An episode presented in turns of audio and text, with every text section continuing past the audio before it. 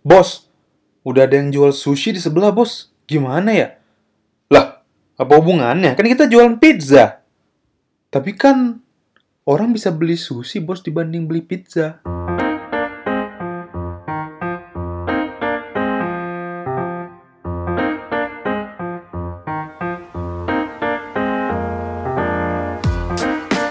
Anjir, macet banget pulang kantor.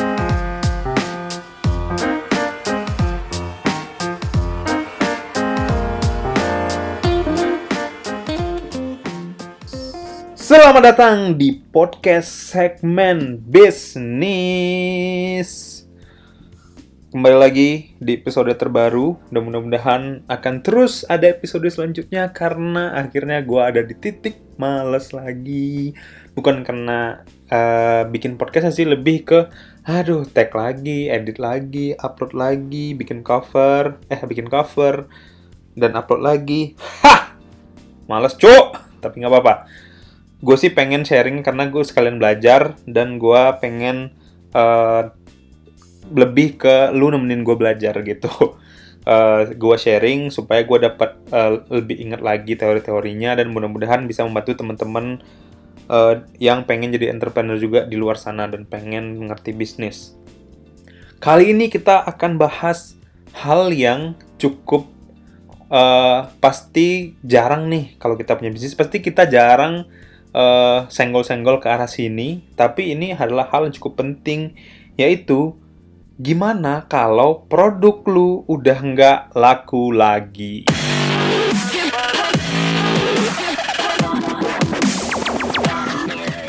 Kenapa sih produk lu udah nggak laku lagi? Karena memang persaingan itu misalnya uh, kalau kita lihat dari persaingan, kadang-kadang nggak datang dari pendatang baru. Kan kita selalu ke kemarin mikirnya adalah uh, industri yang kita udah miliki sekarang, kalau ada kompetitor itu akan makan uh, pie market kita, uh, market share kita. Tapi kadang-kadang ada pihak-pihak yang kita rasa kita rasa itu nggak akan nggak akan jadi kompetitor, nggak akan ganggu bisnis kita. Ternyata dia malah uh, kompetitor, tapi di industri yang berbeda. Hmm. Aduh, sorry sorry mungkin uh, kompetitornya ada di industri yang sama atau bisa jadi industri lu ada di industri yang berbeda. Tapi bisa jadi produk yang dia punya di industri lain itu bisa jadi kompetitor untuk produk yang lu miliki. Nah, misalnya nih, gue punya, gue akhirnya tadi sebagai yang jualan ayam goreng crispy dan akhirnya hype. Tiba-tiba di sebelah uh, outlet gua ada cumi goreng crispy atau bebek goreng crispy. Kan itu udah nggak kita kita masih sama-sama di industri, di industri yang sama yaitu industri F&B. Tapi kalau kita bisa lihat lebih kecil, ya nggak mungkin dong cumi goreng jadi kompetitor kita. Toh dia jual cumi, kita jual ayam. Tapi ternyata secara produk itu adalah kompetitor untuk ayam goreng crispy gua. Padahal industrinya beda, mungkin industri, uh, maksudnya bisa jadi barang yang dijualnya beda, tapi ternyata produk tersebut akan jadi kompetitor untuk produk lu. Yang awalnya orang ke tempat gua, maksudnya ke sekitar tempat gua itu opsinya cuma beli ayam, sekarang ada uh, opsi untuk dia beli cumi. Nah, ini bisa jadi faktor produk yang kita jual kurang laku karena hal ini yaitu produk clue atau produk ada produk lain yang menggantikan posisi produk clue di pasar. Nah, udahlah pusing orang yang tadinya bukan hanya beli ayam goreng lu tapi beli ayam goreng Bu Joko, sekarang tambah lagi ada orang yang kemungkinan kalau nggak beli ayam goreng Bu Joko, malah beli cumi goreng gitu. Bukan beli ayam goreng crispy lu kan makin pusing ya, makin bingung kan gimana nih ngalahin dia. Lu mau bikin ayam ayam lu bervariasi bla bla bla, ya nggak guna ternyata karena mereka lagi nyari cumi nih. Mereka ada opsi, mereka ada substitute produk yang bisa jadi menggantikan produk lu gitu. Misalnya kalau di industri yang lebih luas, uh, bioskop nih, ada substitute produknya itu Netflix kan orang jadi kepikir uh, bisa jadi pemikiran kan loh nggak mungkin lah orang kan akan tetap nonton uh, bioskop dan akan nonton Netflix juga. Bayangin kalau dua-duanya ternyata ny apa bikin apa nayangin film yang sama gitu. Lu gimana pikirnya coba? Lu mau uh, berani gitu nggak investasi di in industri teknologi? Dan kalau ternyata Netflix ngalahin bioskop lu tapi yang paling dipikirkan adalah yang satu industrinya bioskop yang harusnya misalnya nih CGV lawannya yaitu uh, in apa? Uh, aduh kok gue lupa ya? CGV udah lama udah lama terlalu lama ini nih nggak nonton bioskop nih gue jadi lupa. Uh, misalnya XX1 XX1 uh, sama CGV kan itu berarti head to head kan maksudnya sama-sama industri yang sama itu di, di industri bioskop. Tapi ada produk Netflix yang datang jadi substitute produk yang mungkin orang kalau uh, yang tadinya mau nonton CGV tapi nggak jadi yang nggak dia nggak pilih kompetitor lu tapi malah pilih substitute produk ini gitu. Atau yang yang yang jadi contoh lain misalnya uh, orang lu misalnya jual kopi sama ada yang jual minum-minuman rasa-rasa gitu yaitu akhirnya padahal produknya beda, industrinya beda, yang satu industri kopi, yang satu industri minuman rasa-rasa, tapi akhirnya jadi substitute produk untuk orang memilih produk lain selain produk yang lu tawarkan gitu. Bukan gara-gara uh, produk lu nggak laku eh, nggak uh, enak lagi, tapi cuma gara-gara ada opsi baru di pasar. Nah, uh, banyak juga sebenarnya, uh, misalnya sub industri-industri yang sebenarnya uh, punya subtitle produk kayak tadi misalnya uh, bioskop ada Netflix subtitle produknya kopi misalnya subtitle produknya lah minuman rasa-rasa ayam goreng subtitle produknya cumi goreng. Tapi nggak terlalu pengaruh nih sama industri yang existing. Jadi ada industri yang udah punya subtitle produk tapi nggak terlalu pengaruh. Misalnya bisnis rokok. Kalau bisnis rokok kan lu tahu nih uh, gudang garam dan lain-lain. Biarpun ada vape, biarpun ada rokok elektrik, ya nggak begitu pengaruh orang yang rokok akhirnya tetap ngerokok. Nggak ada tuh orang akhirnya ber, ber apa ber bondong-bondong akhirnya beli vape elektrik uh, karena rokok uh, udah nggak seru lagi, nggak malah orang jadi punya dua-duanya gitu. Jadi kedua-duanya ada di industri yang berbeda dengan produk yang yang jadi yang masing-masing jadi sub substitutional produk tapi nggak mengganggu masing-masing industri gitu.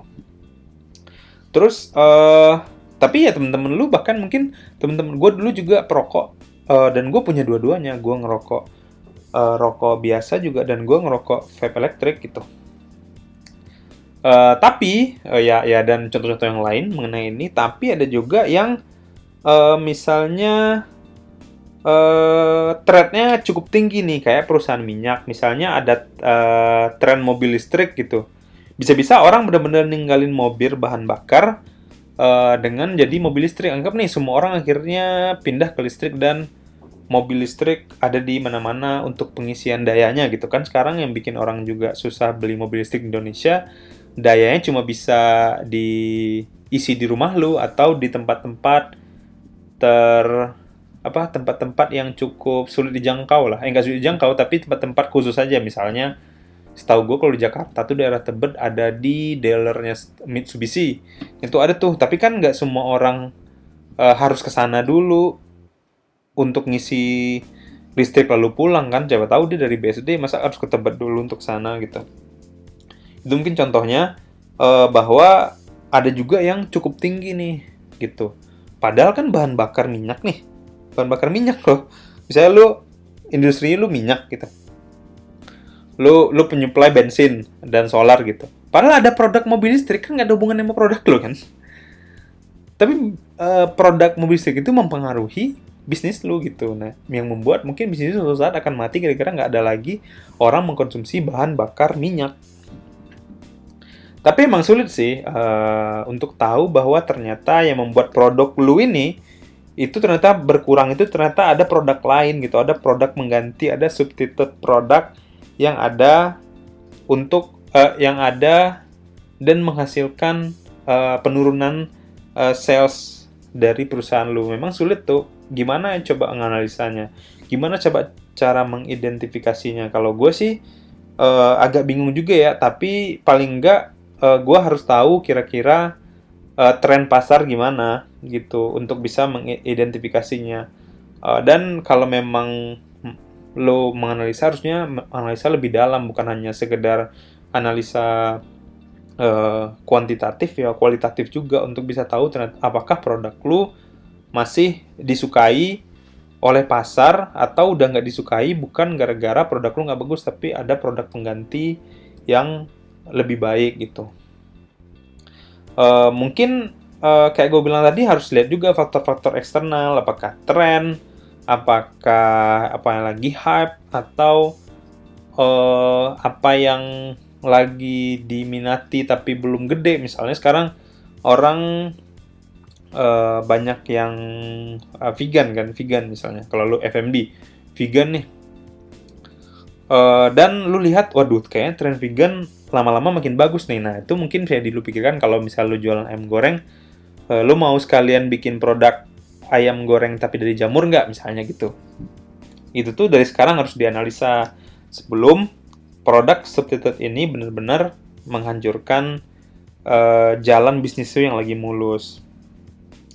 Uh, misalnya nih, kalau gue kasih contoh, kayak bioskop tadi deh kita kasih ambil lagi uh, sebenarnya nggak sekedar hanya Netflix doang nih yang bisa disubstitute produknya, bahkan hal di apa produk-produk di luar bisnis uh, perfilman, misalnya konser, YouTube, bahkan uh, acara olahraga atau acara stand up komedi itu bisa-bisa jadi substitute produk untuk orang yang tadinya ada duit untuk beli uh, untuk mau beli karcis nonton film di bioskop, malah akhirnya beli karcis nonton pertandingan bola di GBK misalnya gitu. Kan itu dua hal yang uh, berbeda tapi ternyata membuat uh, pain bisnis lu kan gitu. Nah jadi halnya ternyata luas nih untuk bisa tahu kenapa produk lu nggak laku lagi. Tapi gua rasa uh, pelan-pelan harusnya lu bisa menganalisanya dengan helikopter view juga gitu.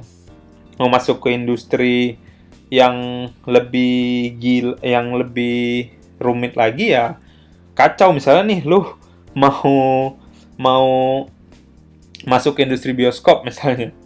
Udah tahu industri bioskop lagi struggling juga dengan yang lain dan lu datang dengan ngasih opsi apa emang yang bikin baru. Gua rasa nggak akan jadi uh, apa ya nggak akan jadi jawaban juga untuk customer yang ada gitu. Malah uh, bukannya jadi lawan yang seimbang malah jadi lawan yang gampang dikalahin gitu.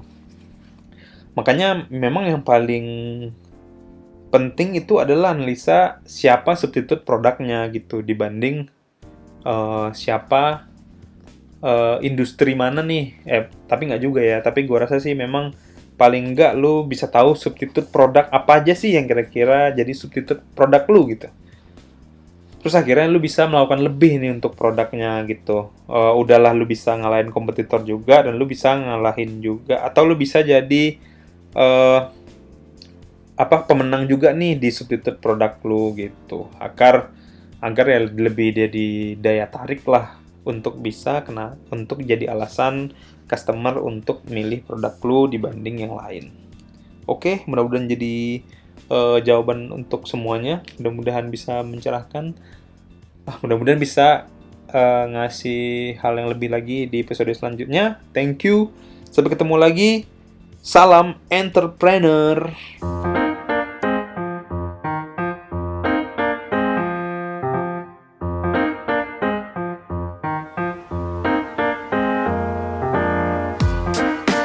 Anjir, macet banget pulang kantor.